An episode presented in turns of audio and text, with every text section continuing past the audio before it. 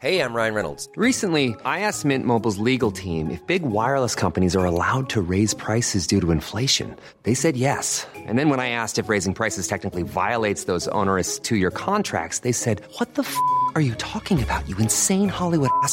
So to recap, we're cutting the price of Mint Unlimited from $30 a month to just $15 a month. Give it a try at mintmobile.com slash switch. $45 upfront for three months plus taxes and fees. Promo rate for new customers for limited time. Unlimited more than 40 gigabytes per month. Slows. Full terms at mintmobile.com.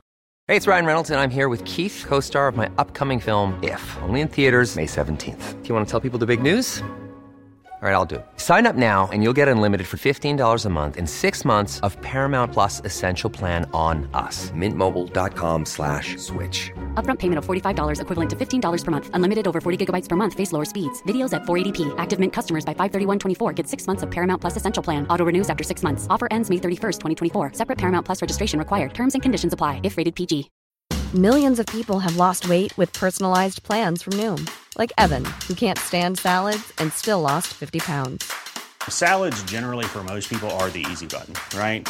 For me, that wasn't an option. I never really was a salad guy. That's just not who I am. But Noom worked for me. Get your personalized plan today at Noom.com. Real Noom user compensated to provide their story. In four weeks, the typical Noom user can expect to lose one to two pounds per week. Individual results may vary.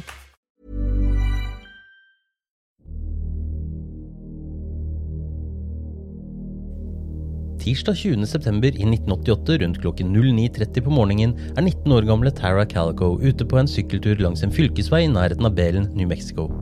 Da hun ikke kom tilbake til hjemmet sitt ved tolvtiden på dagen, satte moren Patty Dole seg i bilen for å kjøre og lete etter henne. Moren visste hvilken rute Tara pleide å sykle hver dag, men fant henne ikke. Politiet ble kontaktet, og med det startet et forsvinningsmysterium som fremdeles står uløst etter over 12 600 dager, eller noe lettere sagt 34 år og 7 måneder. I denne perioden har det dukket opp flere tilsynelatende grusomme polaroidbilder som tyder på at Tara kan ha blitt bortført og holdt fanget i lang tid. Men det er også sterke teorier om at svaret på gåten ligger mye nærmere Belen, New Mexico, enn ute på landeveien.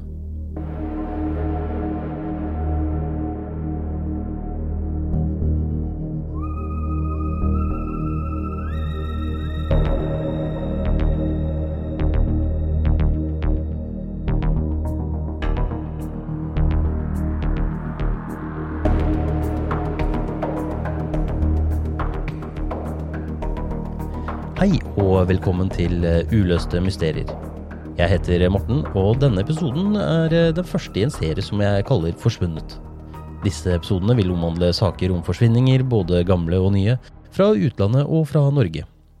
Det blir kanskje litt feil å kalle, en, eh, kalle disse episodene en egen serie, men det vil iallfall gjøre det litt lettere å finne disse episodene dersom man foretrekker sandkrim fremfor mystiske vesener og den slags. Mens jeg har oppmerksomheten deres, vil jeg gjerne anbefale noen andre podkaster. Jeg har eh, sammen med Maurice Adams og André Kvebek startet en podkast som heter Nerdatorium. I denne har vi med gjester fra metal-miljøet og prater om gaming og musikk, og andre ting som måtte dukke opp. Disse episodene er eh, i tillegg til de vanlige stedene eh, man hører på podkast, også å høre på god gammeldags radio via symfonium.no hos Fresh FM. Ellers, hvis du liker true crime, burde dere sjekke ut en podkast som heter Hold pusten. Nora og Heidi forteller en ny historie hver uke om en sandkrimsak, og er vel verdt å sjekke ut. Hvis dere er litt som meg og liker de litt mer grusomme sakene, uh, uavhengig av sjanger, så bør dere absolutt sjekke ut Virkelig grusomt med Gunnar og Tone. De uh, gir også ut uh, ukentlige episoder. Og det var denne episodens anbefalinger. Um, husk å følge både dem og gjerne meg òg i sosiale medier og der hvor du hører på podkast, da det vil hjelpe podkasten å nå ut til flere. Og nå til saken. Tara Lee Calico var født 28.2.1969 av foreldrene David og Patty Calico. Som barn var Tara full av eventyrlyst og utforsket mye rundt i naturen sammen med søsknene Michelle og Chris og vennene hennes. I barndommen ble foreldrene hennes skilt, og Tara ble boende hos Patty, som etter hvert giftet seg med John Dole, og sammen flyttet de til byen Belen. Belen blir beskrevet som en liten amerikansk landsby hvor alle kjenner alle, alle passer på hverandre, og ingen er utenfor det trygghetsområdet byen og befolkningen utgjør. Dette bidro til at Tara vokste opp uh, uten bekymringer og med en sterk eventyrlyst, som gjorde at hun ble selvsikker uten å frykte situasjoner med uhyggelige konsekvenser. På ungdomsskolen og videregående var hun godt likt av medelever og lærere. Hun var atletisk og høyt intelligent, og hun ble beskrevet som alles venn. Melinda Eskibel, en venninne av Tara, eh, fortalte hvordan hun ble kjent med henne, noe som eh, beskriver hvordan Tara var som menneske. Melinda hadde begynt i skolekorpset, men kjente ingen. Tara så en dag at eh, Melinda satt alene, og gikk bort til henne og inkluderte henne i sin egen vennegjeng til tross for at hun ikke kjente henne. For Tara var det viktig å skape en god atmosfære for de rundt seg, og det innebar å inkludere alle. På tidspunktet for forsvinningen var um, Tara en aktiv 19-åring som uh, studerte ved universitetet i New Mexico, og hadde planer om å bli psykolog. Tara ble sett på som en ivrig og dyktig student, og utenfor studiene arbeidet hun som kasserer i en bank.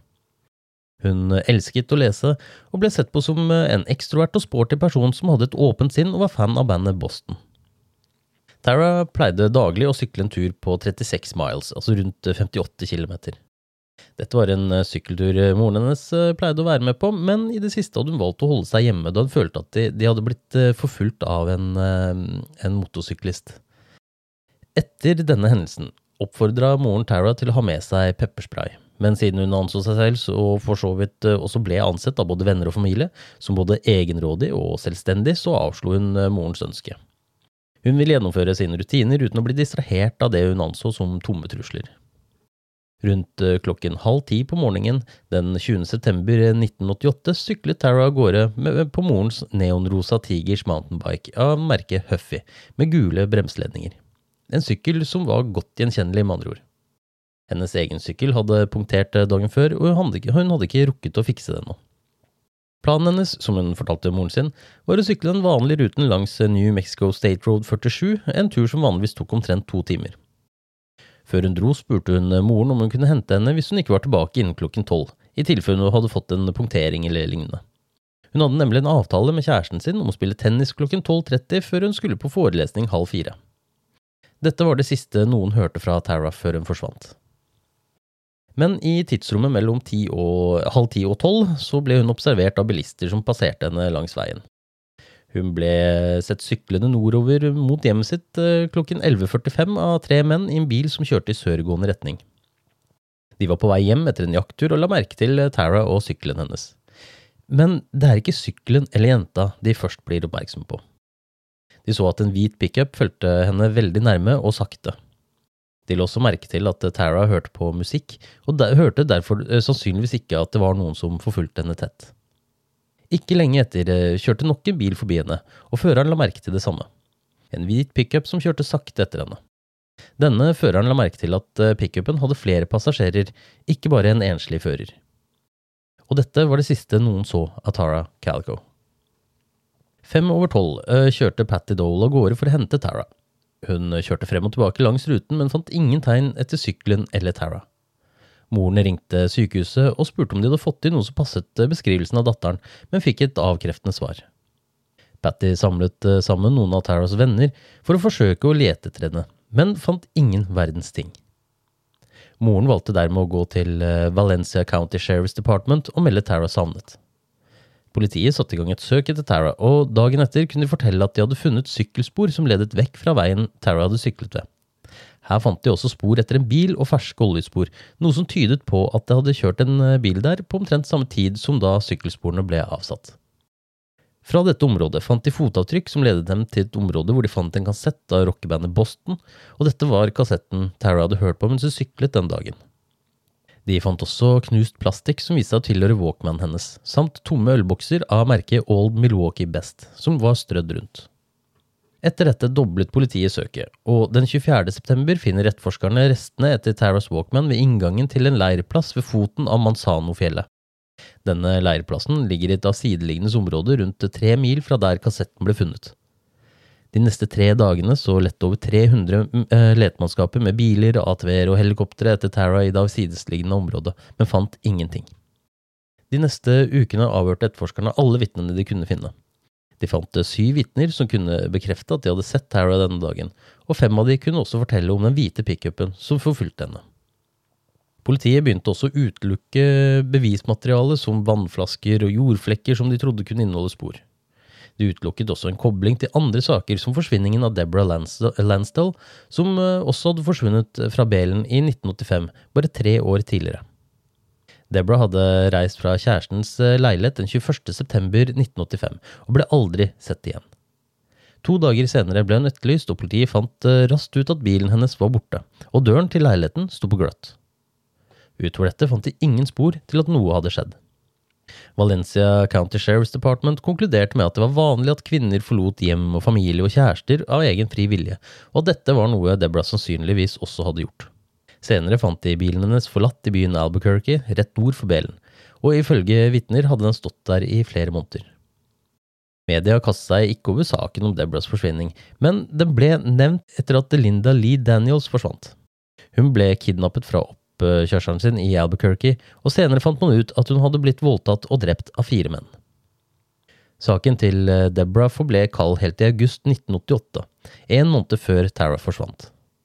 Da opplyste sheriffen i Valencia County, Lawrence Romero senior, at han skulle ta opp uh, saken til Deborah på nytt og gå gjennom nye, sterke beviser. Like etter dette forsvant altså Tara Calico.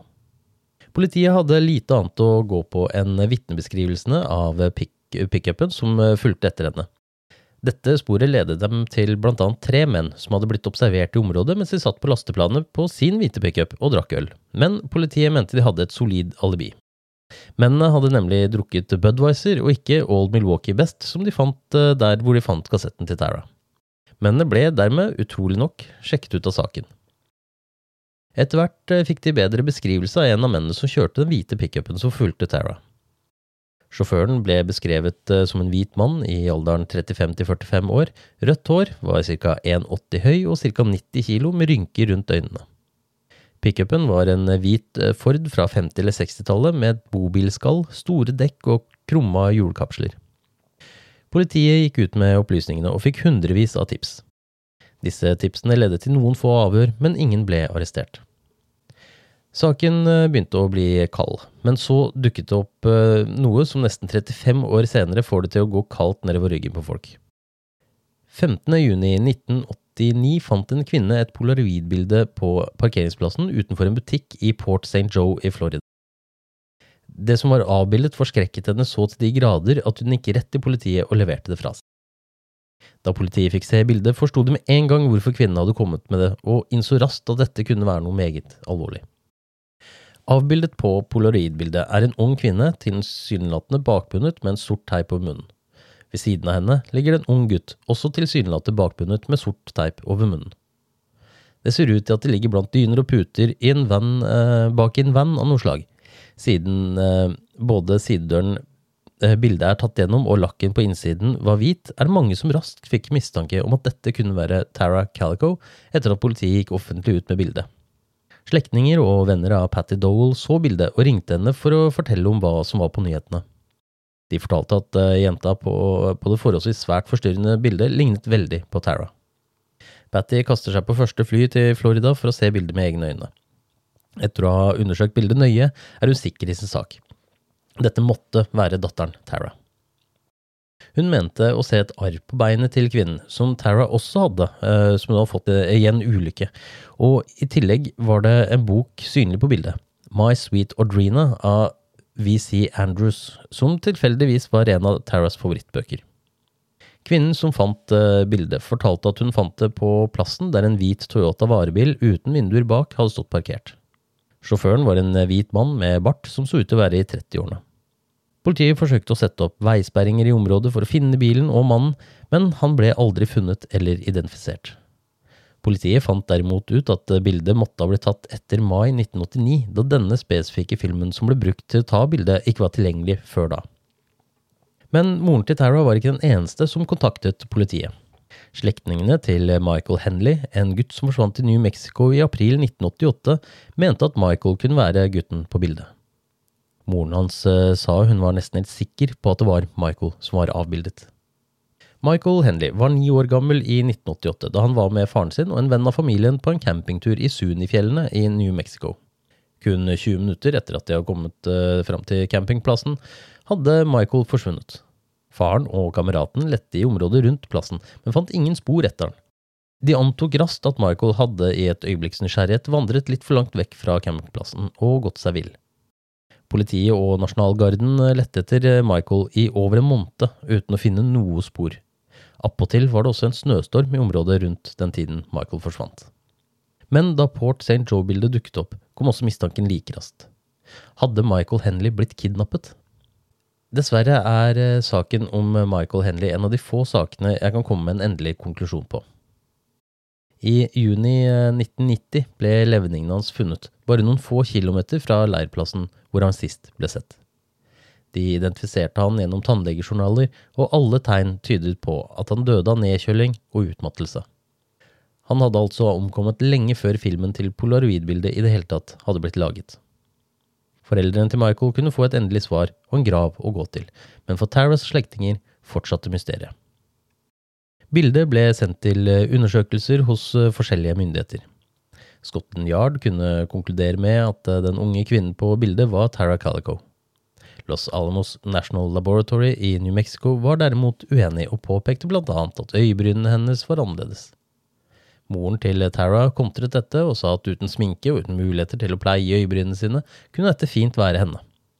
FBI sin konklusjon var at de var usikre. Opp gjennom eh, årene var det flere som mente de hadde sett Tara. Noen mener de hadde møtt henne langs veien, andre hadde sett henne arbeide på en strippeklubb.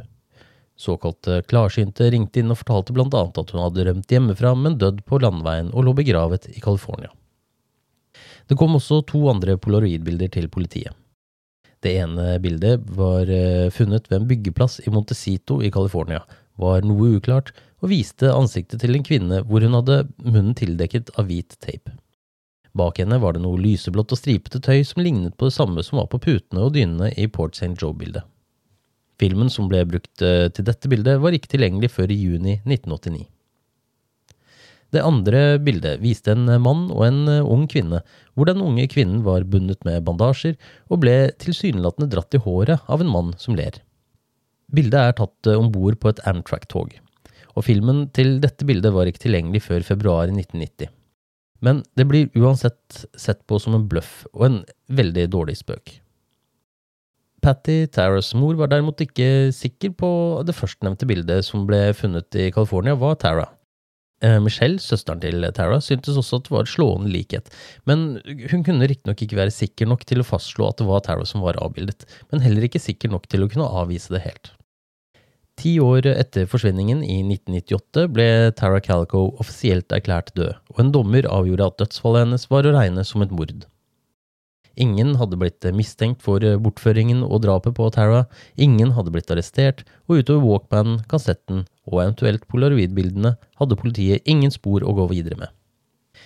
I september 2008, 20 år etter Taras forsvinning, gikk sheriffen i Valencia County, eh, René Rivera, ut offentlig og sa at politiet ikke lenger trodde Tara var den unge kvinnen på bildet. Årsaken til dette var at de hadde fått nye vitnebeskrivelser som tilsa at hun kunne ha blitt drept den 20. september 1988, dagen hun forsvant, og at han visste hvem som sto bak. Rivera ville derimot ikke fortelle hvem han mente sto bak, da han ikke hadde øh, nok bevis for å gjøre arrestasjoner eller direkte anklager. Det ble utstedt en arrestasjonsordre, men i avhør kom det tydeligvis frem at det ikke var nok bevis for å anholde de to mennene Rivera mente var ansvarlig for Tara Calcos død. Taras eh, stefar, John Dole, svarte offentligheten eh, med at Rivera burde ikke ha kommet med slike uttalelser dersom han ikke var villig til å arrestere noen, og at såpass sterke indisier sheriffen mente han hadde, burde vært nok for en tiltale og dom. Men hva var disse indisiene som sheriffen uttalte seg om? Han ville riktignok ikke navngi noen mistenkte, men han fortalte hva han mente hadde skjedd. To menn som var tenåringer i 1988 og kjente Tara fra skolen, hadde kjørt etter, etter henne. Det hadde skjedd en ulykke, og i panikk hadde tenåringene tatt med seg kroppen til Tara og gravd henne ned. Melinda, eh, Taras venninne, var hjemme i Belen i julen 2008 og spiste middag med venner da de kom inn på, eh, på temaet om Taras forsvinning. Det hun fikk eh, høre, sjokkerte henne, og det skulle gå enda fem år til før offentligheten fikk vite mer om detaljene om hva som hadde skjedd den dagen i 88. Vennene fortalte Melinda at hele byen visste hvem som sto bak. De to unge guttene og sønnen til en sentral skikkelse i politiet i området hadde stått bak både Taras dødsfall, fjerningen av bevismateriale og rett og slett en tåkelegging av hele saken. Men hvorfor var det ingen som sa noe? Mye av informasjonen Rivera fikk som gjorde at han kunne komme med sine uttalelser i 2008, var fordi flere og flere hadde begynt å snakke mer fritt om hva de visste. I begynnelsen hadde de vært redde og følt seg truet til å holde munnen i frykt for, som, for at det som skjedde med Tara, skulle skje med dem. Men i 2013 lå en mann ved navn Henry Brown for døden. Han krevde å få prate med politiet og skulle fortelle dem en historie som langt på vei bekrefter det Rivera uttalte seg om i 2008. Men forskjellen var at Henry Brown ikke hadde noe å tape. Han navnga alle sammen. Jeg velger å fortelle historien til Henry slik eh, at det kan virke som om dette er den endelige konklusjonen, men jeg må understreke at saken fremdeles er uløst og ingen er anklaget, anholdt eller dømt for forsvinningen av Tara Calico. Eh, Lawrence Romero jr. var ute og kjørte sammen med en ikke navngitt rødhåra person den 20. september 1988. De eh, kjørte langs New Mexico State Road og um, fikk øye på Tara Calico som syklet langs veien. De kjørte sakte etter, etter, henne, ropte på henne for å få oppmerksomheten hennes, plystret og slang bemerkninger mot henne uten at hun reagerte. Tara syklet i sitt eget tempo i sin egen verden mens hun hørte på favorittbandet sitt Boston. Da de prøvde å kjøre nærmere slik at hun kunne uh, ta tak i henne, eller på, måte, eller på, en annen måte få oppmerksomheten hennes, uh, så traff de sykkelen hennes ved et uhell. Tara veltet og falt av sykkelen, og nøyaktig hva som førte til at de valgte å ta henne og sykkelen uh, med seg, det vites ikke, men de endte opp med å bortføre henne. Etter dette møtte de to menn til, Dave Silva og Leroy Chavez. De kjørte henne til et forlatt område hvor det var et grustak, hvor de voldtok henne etter tur. Tara var ikke ei jente som uh, ville vise disse mennene hvor redd hun var, og truet med at hun kom til å gå til politiet. Silva Chavez og den tredje mannen holdt henne nede, mens Romero jr. hentet en kniv og knivstakk Tara til døde. Sykkelen kastet de på en avfallsplass, og kroppen hennes gjemte de i et kratt. Men da leteaksjonen begynte å bli eh, intensiv, valgte de å flytte henne. De tok henne med hjem til eh, Romero jr., hvor hun ble lagt i kjelleren og pakket inn i en blå presenning. Det var her Henry først hadde fått vite hva som hadde skjedd, da han eh, hadde spurt om hva den blå presenningen var. Mennene var ganske tydelige på at hvis han gikk og meldte fra til politiet, så ville de drepe han. De hadde allerede sluppet unna med ett drap, og kunne fint slippe unna med ett til, siden faren til Romero jr., eh, Lawrence Romero senior, tross alt var sheriffen i byen. Henry kunne også fortelle at både Romero senior og um, foreldrene til en av de andre mennene hadde vært med på å dekke over det som skjedde.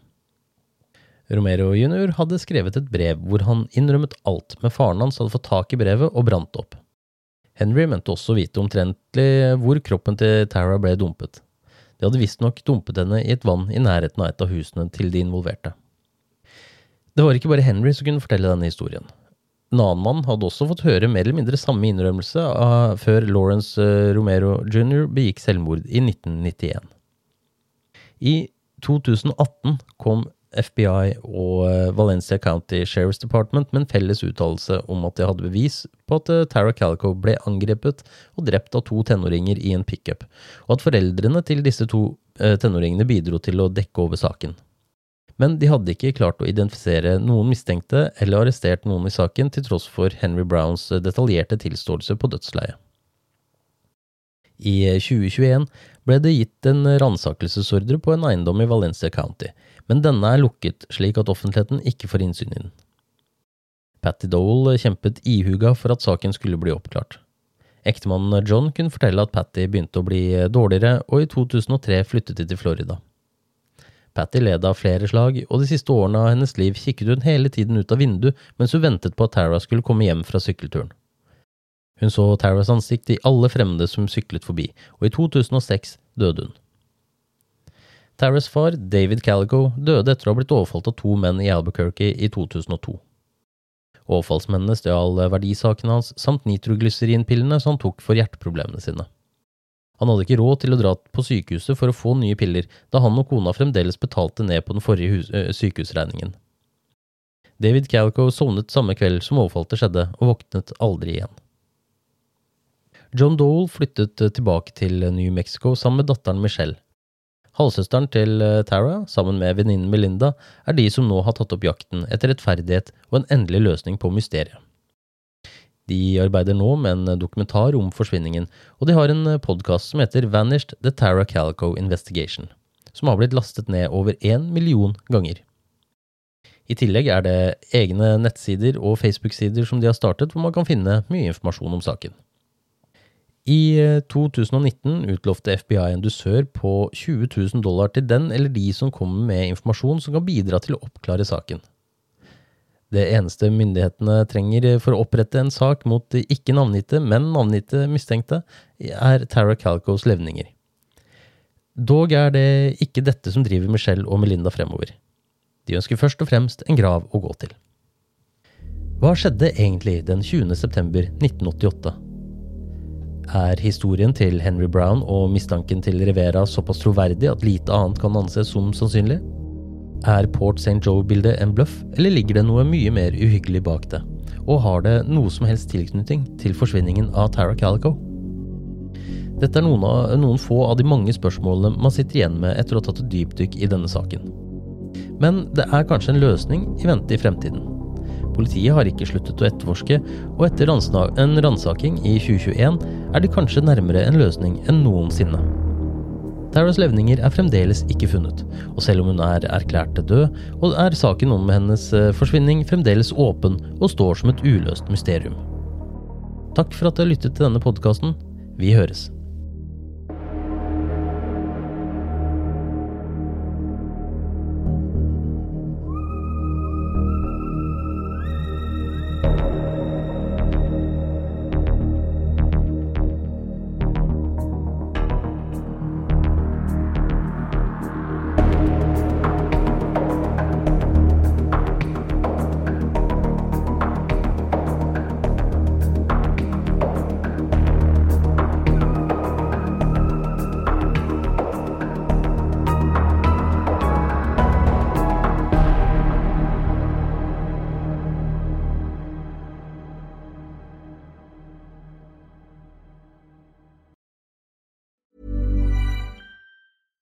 Even when we're on a budget, we still deserve nice things.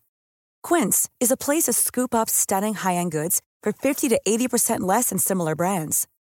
They have buttery soft cashmere sweaters starting at $50, luxurious Italian leather bags, and so much more. Plus, Quince only works with factories that use safe, ethical, and responsible manufacturing.